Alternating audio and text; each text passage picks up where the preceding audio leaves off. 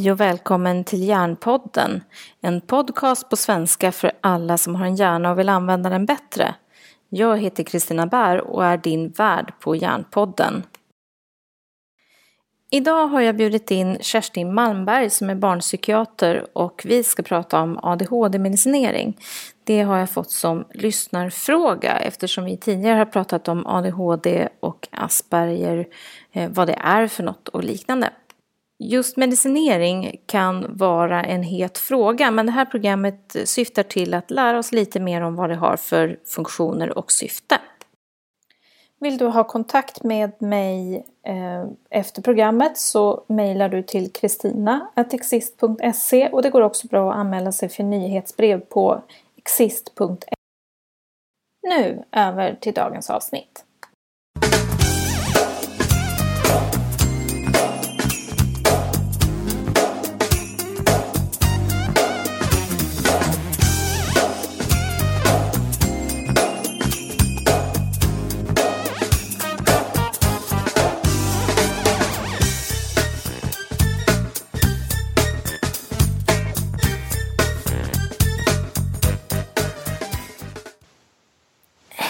Välkommen till Hjärnpodden. Och idag har jag med mig en eh, barnpsykiater som heter Kerstin Malmberg och vi ska prata om eh, ADHD-medicinering. Välkommen Kerstin! Tack! Eh, jag har bjudit in dig för jag har fått många frågor ifrån eh, lyssnare om hur just ADHD-medicinering fungerar. Så det och lite annat tänkte jag att vi skulle utreda idag. Ehm, så, men jag vill gärna börja med att eh, du presenterar dig själv lite. Vem är du? Jag heter Kerstin Malmberg och har jobbat som barnpsykiater i snart 30 år och haft väldigt stort intresse av ADHD och arbetar för närvarande på en öppenvårdsmottagning med mycket medicineringar och har också en del hållit på att forska lite om ADHD. Gjort en avhandling på ADHD och ärftlig genetik. Spännande. Eh, så eh, man kan säga att det här med medicinering är någonting som du har stor erfarenhet av? Ja, det har jag och jag undervisar också barnpsykiater i medicinering om ADHD. Så att jag har ett stort, jag har hållit på med det länge och, och eh, stor erfarenhet av medicinering. Mm. Det var också forskningsdelen på det. Ja, just det.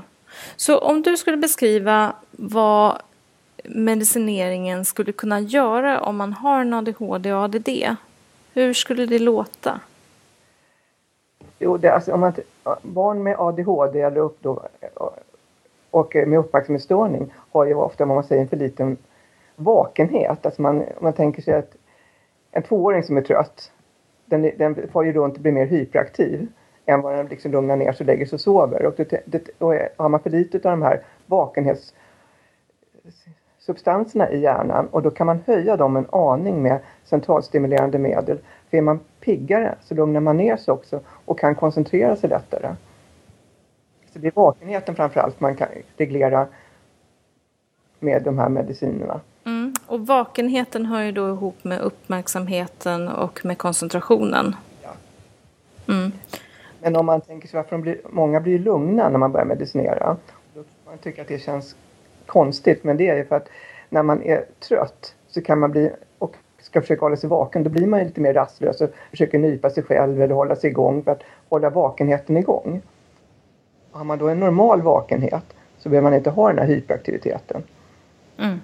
Så att egentligen kan man säga att den här hyperaktiviteten är en, säga, när man är obehandlad i en ADHD eller en ADD, då är eller man säger, hyperaktivitet har man kanske inte när man har en ADD, men minskad vakenhet, eh, då är det mer ett tecken på att man försöker hålla sig vaken för att koncentrera sig? Ja, det kan man säga. Det är därför alltså många gånger när man gör utvärderingar ser framförallt de med den här hyperaktiviteten som man kan se, se snabbt resultat på för att de lugnar ner sig och blir lite mer fokuserade och koncentrerade. Det är svårare om man bara har en uppmärksamhetsstörning som du benämner och ADD. Mm. För det, då måste man det utvärdera på annat sätt och det kräver mycket mer anamnestiska frågor man måste fråga och se.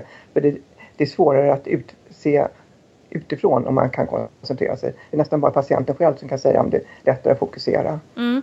Så om man har en ADD och får den här medicinen, hur vet man att medicinen har effekt? Vad är det ni utvärderar? Ja, men man utvärderar ihop med föräldrar, lärare, frågeformulär med, och patienten själv om de tycker att det fungerar bättre. Men jag tror att där finns det rätt mycket forskningsmässigt att göra hur man ska kunna utvärdera bättre. Mm, på just ADD tänker du? Mm. Ja, okej. Okay. Ja. Så eh, om, om man eh, tänker vad medicinen kan göra när man har en ADHD, vilka, vilka är det man i synnerhet vill behandla? Vi brukar, alltså indikationen för medicinering är från sex år och uppåt och vi brukar vara, för, inte medicinera förskolebarn direkt utan då brukar man försöka med andra åtgärder. Men från sex år och uppåt om man har en, får en diagnostiserad ADHD så ska man få en information om medicinering. Och sen får man ju avgöra från fall till fall men jag tycker i princip så brukar vi försöka med de flesta mm. som, som kommer till utredning ska jag säga pröva medicinering om både föräldrar och patient är villiga till det. Mm. Finns det några risker som man vet om med, med ADHD-medicinering idag? Alltså det, det kom ju som ett bantningspreparat där en gång på 60-talet, centralstimulerande medel. Det hade ganska god effekt på viktnedgång på kort sikt men inte på lång sikt. Men viktnedgången är det som, om du har speciellt en växande individ, är det som man måste vara observant på. Så därför mäter vi längd och vikt för att de tappar aptiten lite. Men då är det så att om man matar på hela tiden, ser till att de äter så håller de, och de håller vikten så brukar det här ge med sig. Men det kan ta upp till nio månader, ett år innan det ger med sig den här aptitsänkningen. Mm. Är de hungriga på kvällarna när medicinen går ut så ska de få mat. Man får mata på de tider de inte är, har medicin i kroppen, så att säga. den går ju ur kroppen på ett dygn, den här centralstimulerande medicinen. Mm. Och det är väl så att det finns olika typer av centralstimulerande också? Som, som kan ja, variera lite i funktion? Det finns två typer av centralstimulerande. Det finns amfetamin och metylfenidat. Sen har vi, på metylfenidat har vi ett antal olika beredningar men det är samma grundsubstans. De är bara, medicinerna är bara byggda på lite olika sätt. Med lite hur de släpper ut medicinen och lite längden på dagen, hur länge de verkar. Men det är samma grundsubstans. Mm. Och, och bägge, eller vad ska säga, både grunds, båda grundsubstanserna ger den här viktnedgången eller aptitsänkningen? Men amfet, det amfetaminpreparat vi har, de har de måste, det, får man bara pröva om inte metylfenidat har fungerat. Så man börjar alltid för det, det är lite snällare metylfenidatet. Mm, just det. Eh, och jag tänker ju att det är väldigt många föräldrar som man hör när man utreder, men vi vill i alla fall inte att våra barn ska ha medicin för att det är läskigt med just att det är amfetamin och att det är droger. Vad tänker du som yrkesperson när du möter de här barnen som behöver medicin? Om man ger centralstimulerande medel så ger man ju så pass låga doser för det är en liten pyttedos för att väcka den här vakenheten. Det brukar jag förklara men det finns ju andra. Alltså, medicin är ju en del i ett annat behandlingsprogram. Det är så att man inte bara ska medicinera upp in utan det ska ju vara anpassning i skolan, det ska vara alltså pedagogiska åtgärder. Det ska vara även eh, om man får en förståelse för sitt, sin funktionsnedsättning så brukar det också bli bättre. Så det innebär, innebär ju också att alla ska gå en utbildning, egentligen föräldrar och anhöriga, om vad det innebär att ha ADHD som kan ändra bemötandet till det här barnet. Mm. Just det, och jag har ju haft ett förflutet i skolan och där har jag jobbat mycket med förståelsen ifrån pedagoger och förståelsen eh, vad vi behöver göra för anpassningar.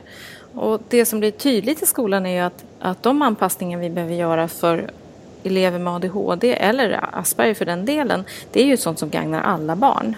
Exakt.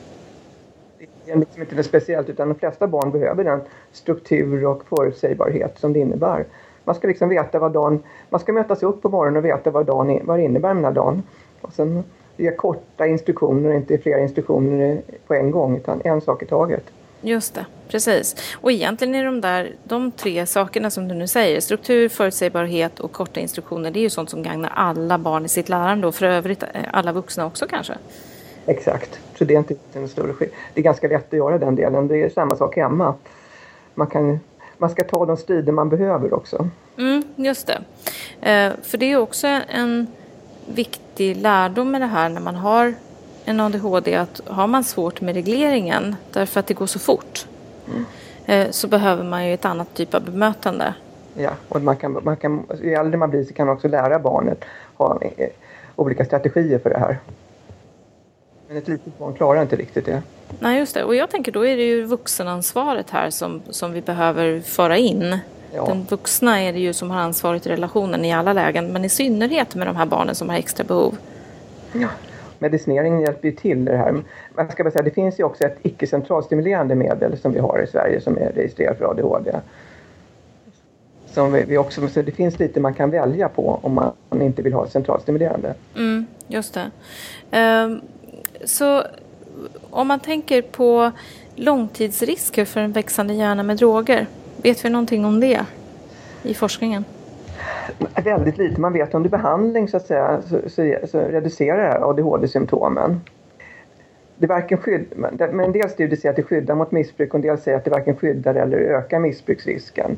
Och eh, själva hjärnutvecklingen finns det väldigt få studier på och de som finns är väldigt så att säga, få individer. Å andra sidan, vad händer om man, är, om man hela tiden förstår, med hjärnan, om man förstår sina relationer, inte kan stanna upp i en relation, inte klarar skolan med mera. Det påverkar också kognitivt. Precis, och jag tänker att det här är ju en av de saker som skolan har som huvudansvar att få så många som möjligt att nå mål och, och klara skolan. För vi vet att det skyddar ju individen eh, i livs, livsperspektivet. Ja, det, det, som absolut är det största för predisponerar, alltså förutsägbarhet för psykisk hälsa i vuxenvärlden, är att du går igenom, genomgår skolan med godkända betyg. Så de har ett jättestort ansvar. Ja. Så här, här tänker vi då andra hälsorisker inom den psykologiska och psykiatriska ja. sfären. Depression, ångest. Exakt. Många barn kommer med en depression till oss inom barnpsykiatrin i tonåren och där man har en obehandlad ADHD. Och då blir man deprimerad för man har inte riktigt fått till livet, det fungerar inte allt det här. Och ångest, både ångest och depression är en stor komorbiditet, alltså samtidiga sjukdomar med ADHD. Mm. Hur hänger de där ihop? Nej, men alltså, om man har en obehandlad ADHD eller inte riktigt får till det i livet så, så, kan man, så får man ju då så blir det en depression som en följd av detta. Mm, så det är den ökade belastningen ja. på grund av att man inte har förutsättningen att klara sitt liv som på något sätt blir en utlösande faktor här? Ja, sen kan du ju också ha en, ärftlighet för depression. De har ju, det, exakt kan man inte riktigt förklara men det finns det är en stor, det är en stor samsjuklighet med de här. Ja. Mm. Jo, det är min erfarenhet också att vi hittar barn som verkar nedstämda men egentligen handlar det om att de inte klarar sitt liv som de borde och att det ligger någonting i bakgrunden. Ja. Och sen får man ju avgöra om man ska börja med dep depressionen eller ADHD. Det beror lite på hur det ser ut och det är det en utredning avgör. Så att säga. Det finns väldigt bra riktlinjer nu på både medicinering med depression och med ADHD som vi, som vi har på vår barnpsykiatriska förening. Mm, just det. Um, och jag tänker, eh, medicin är ju en del, men eh, vi pratar om det här med vilka barn som det i synnerhet det är bäst för. Finns det några som är eh, direkt olämpligt när man inte ska behandla? Om man säger att det är någon väldigt, en patient med ätstörning initialt, mm. man inte ska börja behandla. Mm. I stort sett så kan man behandla alla det är, egentligen är det inga kontraindikationer utan det är situationen som sådan. Och finns det missbruk i familjen så kan, måste man garantera så att säga att den här, alltså hur man tar medicin, hur man ger den, men det går att ordna på olika sätt det här. Med att man ger bara en, man får doser för kanske 14 dagar för det är ganska få doser, små. Så de får, i princip ska jag säga nej. Kontraindikationer är om man har ett högt blodtryck, annan medicinering med monaminoxidashämmare, men det är väldigt få som har det idag. Men när det är barn har jag nästan inte hittat några kontraindikationer. Nej, just det. Så att egentligen skulle man kunna säga... Hjärtfel. Just det, hjärtfel ja. Hjärtfel kan man säga, men i princip så, när jag pratar med hjärtläkare så är har jag även behandlar patienter med hjärtfel, så man bör prata med dem. Vissa syndrom ska man inte behandla förrän man har pratat med hjärtläkare. Och om det finns i familjen någon som har avlidit plötsligt i någon hjärtsjukdom före 35 års ålder eller om det finns någon som har haft en brutal svimning, det vill säga man svimmar under ansträngning och slår sig. Mm. Då ska man, dra, ska man fundera lite och prata med hjärtläkare innan man sätter in medicin. Mm. Men om man inte har något sånt här konstigt som har med hjärta och kärl att göra så kan man säga att eh, har man en helt vanlig familj med eh, ADHD som kommer, för det går ju ganska mycket igen i familjer, då ja. finns det inga kontraindikationer. Nej, alltså högt blodtryck, men det har vi sällan hos barn. Ja, nej det är extremt ovanligt. De... Jag ska, ska jag säga att det har jag inte, i så fall är någon, någon kroppslig orsak till detta. Ja, precis. Då är det i regel någon njure eller någonting som inte fungerar. Ja, jag har, har även medicinerat dem, men jag gör då det i samband med deras doktor som sköter den här kroppsliga sjukdomen. Mm, just det. Njurfel hjärtfel. Mm, just det. Um, så sammanfattningsvis så kan man säga att den här medicinen börjar nu efter ganska många år bli ganska beprövad. Det tycker jag. Men en sak som är viktig som jag tror att det finns, som jag sa innan, metylfenidat finns i fyra olika beredningsformer och sen har det kommit massa såna här generika nu som... Men att det är många föräldrar som tror att det här är olika mediciner. Det är det inte, utan de är bara byggda på lite olika sätt. Och där gäller för doktorn att förklara. Sen när det gäller metylfenidat så har varje individ en egen så att säga, dos respons. De svarar på olika doser. Man kan behöva titrera upp det här under första året.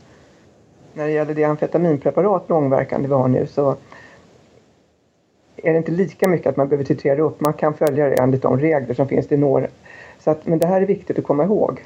När man, att man ska kunna den här medicineringen och våga hitta rätt dos. Mm, just det, för att eh, en del som får medicinen brukar klaga över att de känner sig låga eller att de känner sig instängda i en bubbla. Och då, då kan det vara både för högt och för lågt. Mm. Så då gäller det att på något sätt eh, prova kanske både uppåt och neråt för att man ska hitta rätt? Ja, första året är en titrering. Min erfarenhet är att om man efter första året har hittat rätt dos där man mår bra så behöver man sedan bara korrigera efter när de växer, inte, inte öka dosen så att säga. Bara Att de växer, man gör, du ser ju väldigt mycket på per kilo kroppsvikt. Mm, just det. Just det. Så att man ska inte ge upp helt enkelt om man har börjat med medicinen och, och fortfarande känner sig lite låg. Utan att, om man nu är under upptitrering tänker jag. Precis, alltså det är också en del, en del så måste man titrera upp lite långsammare och en del kan man gå rätt snabbt på. Små barn är ofta lite att vi har gått lite långsammare för de behöver liksom lära sig känna igen sig själva i den här. Och föräldrar också. Men det, en del blir låga av det här och då kan man byta beredning eller preparat. Ser du någon, någon eh, skillnad mellan preparaten eller är det helt individberoende? Det är ganska individberoende. Mm. Men jag har... Jag börjar alltid, alltså man, om man börjar med metylfenidat och måste gå upp i höga doser då kan man byta till det här andra amfetaminpreparatet och det har fungerat ibland. Och det visar sig att om man börjar med rena så är det ungefär 70 procent som svarar. Byter man till det andra är det 90 procent. Men det gäller även om man skulle börja med amfetaminpreparatet. Så är 70 procent som svarar. Och sen är det 90 procent om man byter till metylfenidat. Så det fungerar lite olika men vilka de här individerna är kan vi inte säga från början. Ja just det, för vi har inga sådana markörer som säger att har man de symptomen så funkar det ena bättre än det andra. Det enda vi vet är att hyperaktiviteten är lätt att utvärdera. Det ser vi om den går ner.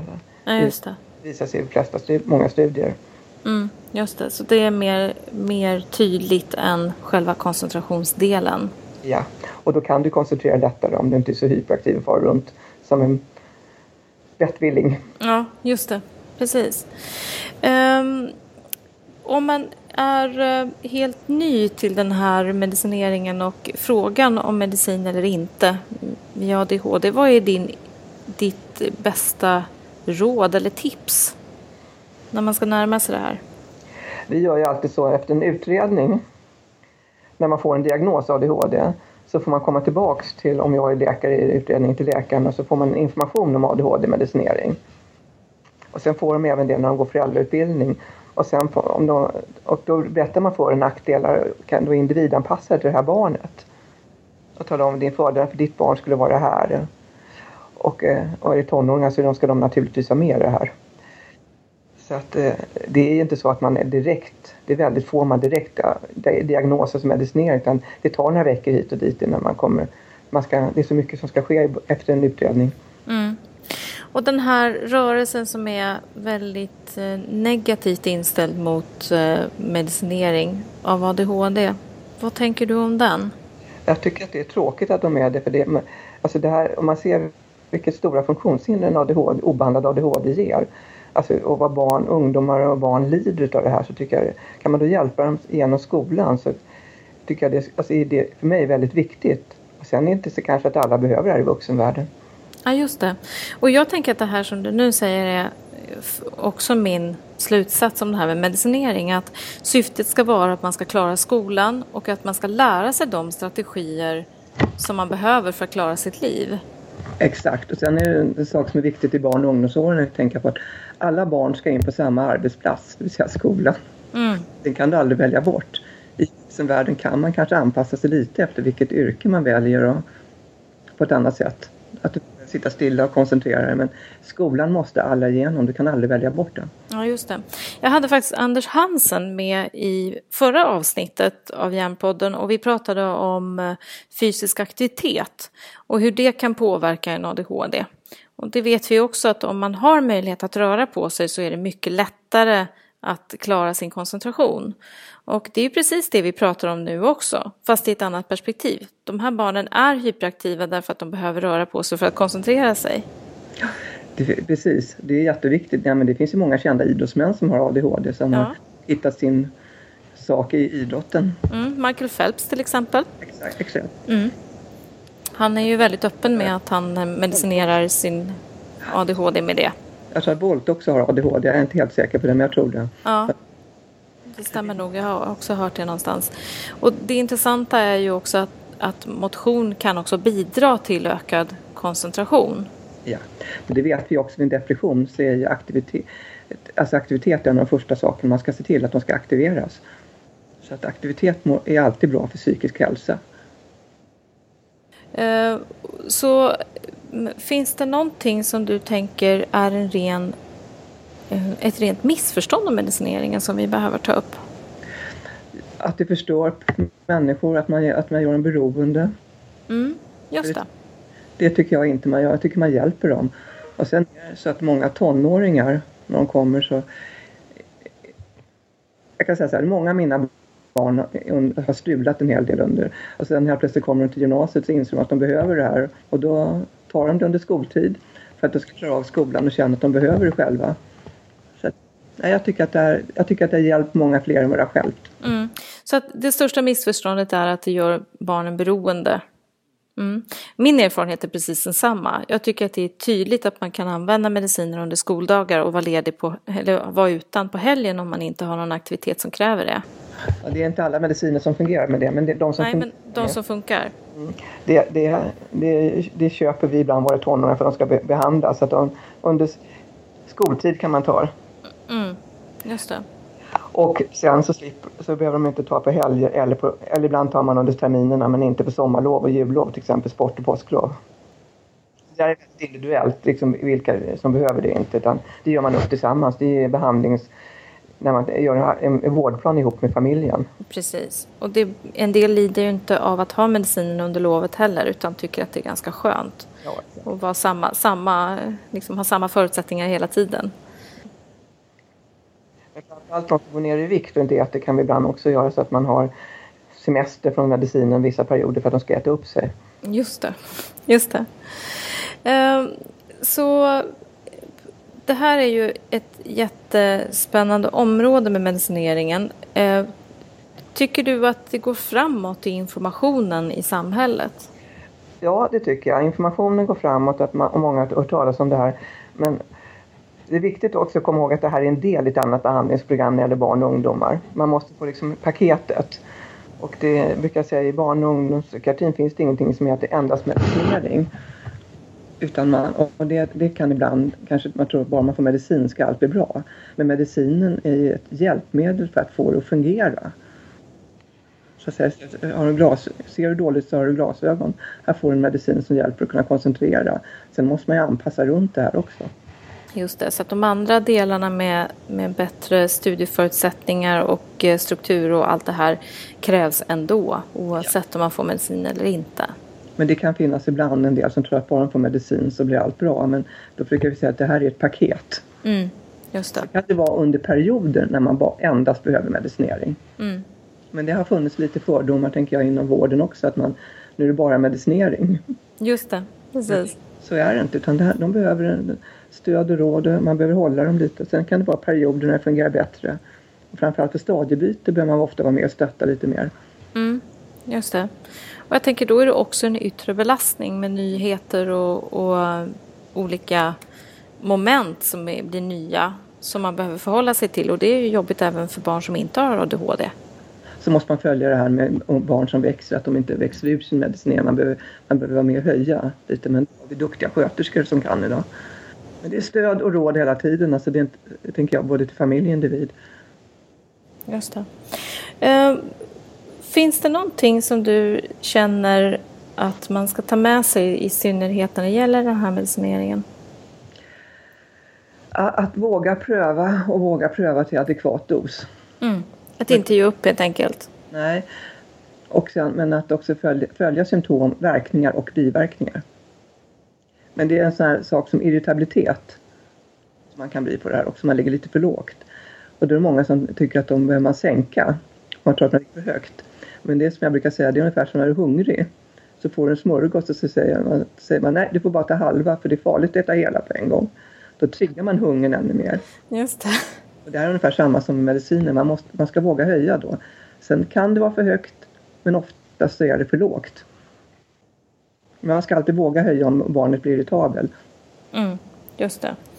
Och den här avstängdheten som, som många upplever, det kan också vara att man känner att det är för lågt, eller?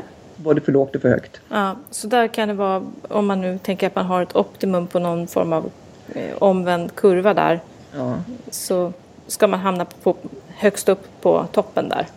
Alltså både för låg medicinering och för hög medicinering kan ibland ge samma symptom så att säga på de kliniska symptomen. Mm. Det här gäller att veta men man måste, när ligger man lågt och börjar titrera upp så ska man fundera på om man ligger lite för lågt i början. Mm, just det. Jag, har, jag skrev en bok om, om hjärnan i skolan för eh, ett och ett halvt år sedan och där, i den så har jag just det här koncentrationsmax. Har jag gjort en liksom enkel skiss på det där. Eh, den kan jag lägga ut på hemsidan för det är precis det du pratar om nu att koncentrationsmax ligger liksom på en...